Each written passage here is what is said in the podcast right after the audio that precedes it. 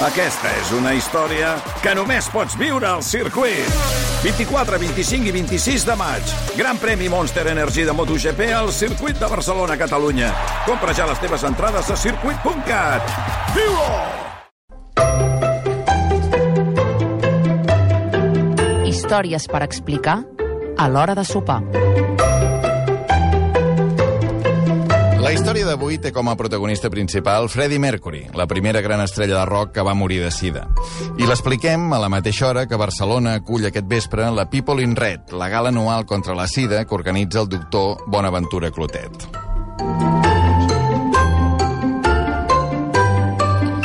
Som a Londres, una nit de l'any 1983. Freddie Mercury ha anat a la Royal Opera House a veure un ballo in màscara de Verdi.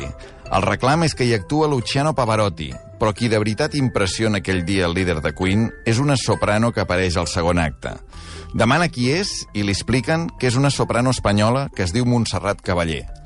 Mercury s'enamora de Cavaller i a partir d'aquell moment, quan en alguna entrevista li pregunten quina és la seva veu preferida, sempre contesta que la d'aquesta cantant d'òpera que va descobrir una nit de 1983.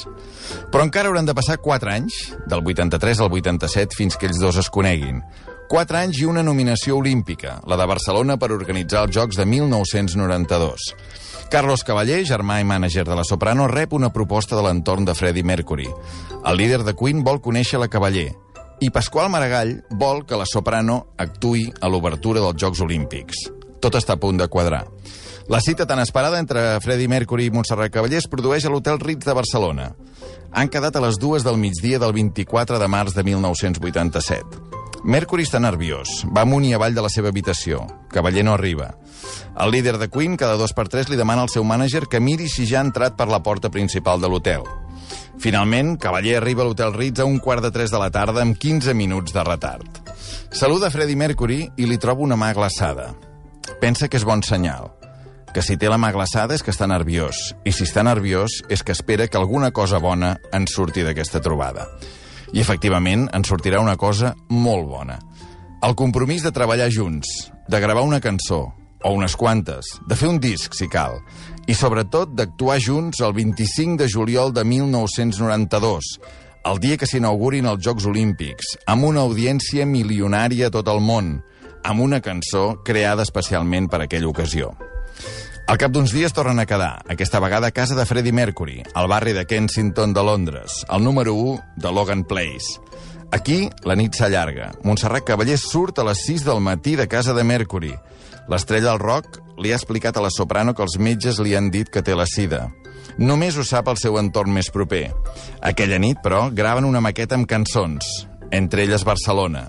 El tema que unirà per sempre més Freddie Mercury i Montserrat Cavaller l'estrenen el 30 de maig de 1987 a Eivissa, a la discoteca Q, en una gala de televisió espanyola que es diu Ibiza 92, en què també actuen El último de la fila o Duran Duran. Només la cantaran una segona i última vegada dalt d'un escenari. Serà el 8 d'octubre de l'any següent, de, 1990, de 1988, a l'Avinguda Maria Cristina en una gala per celebrar que ja s'han acabat els Jocs Olímpics de Seul i que els pròxims seran a Barcelona. De fet, aquesta actuació a les Fonts de Montjuïc serà l'última vegada que Freddie Mercury pujarà a un escenari per cantar. Cantar és un dir, perquè aquell dia fan playback i Mercury surt molt maquillat perquè no es vegin els efectes de la malaltia. Són uns anys en què corren mil rumors sobre el líder de Queen i la sida.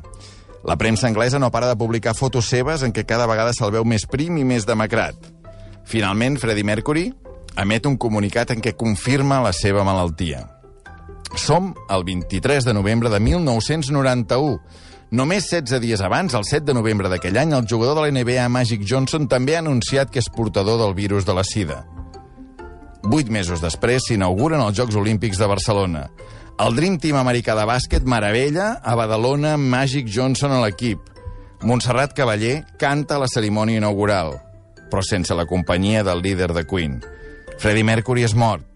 De fet, Mercury mor el 24 de novembre de 1991, només un dia després del seu comunicat explicant que sí, que té la sida. La commoció per la seva mort és comparable a la de Rock Hudson.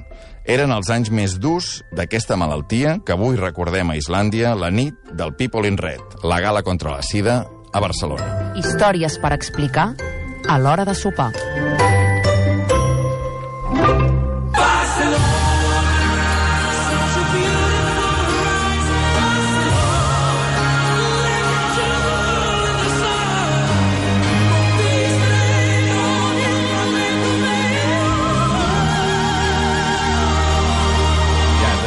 Que callés jo i que sonés la cançó. Eh? És, home, tant si parlar d'aquesta cançó i no sonarà.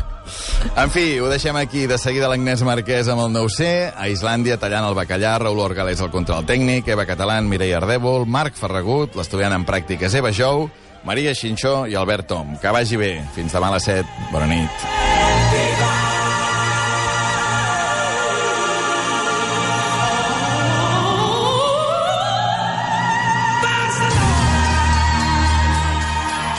Amb la sirena, que fàcil és menjar bé.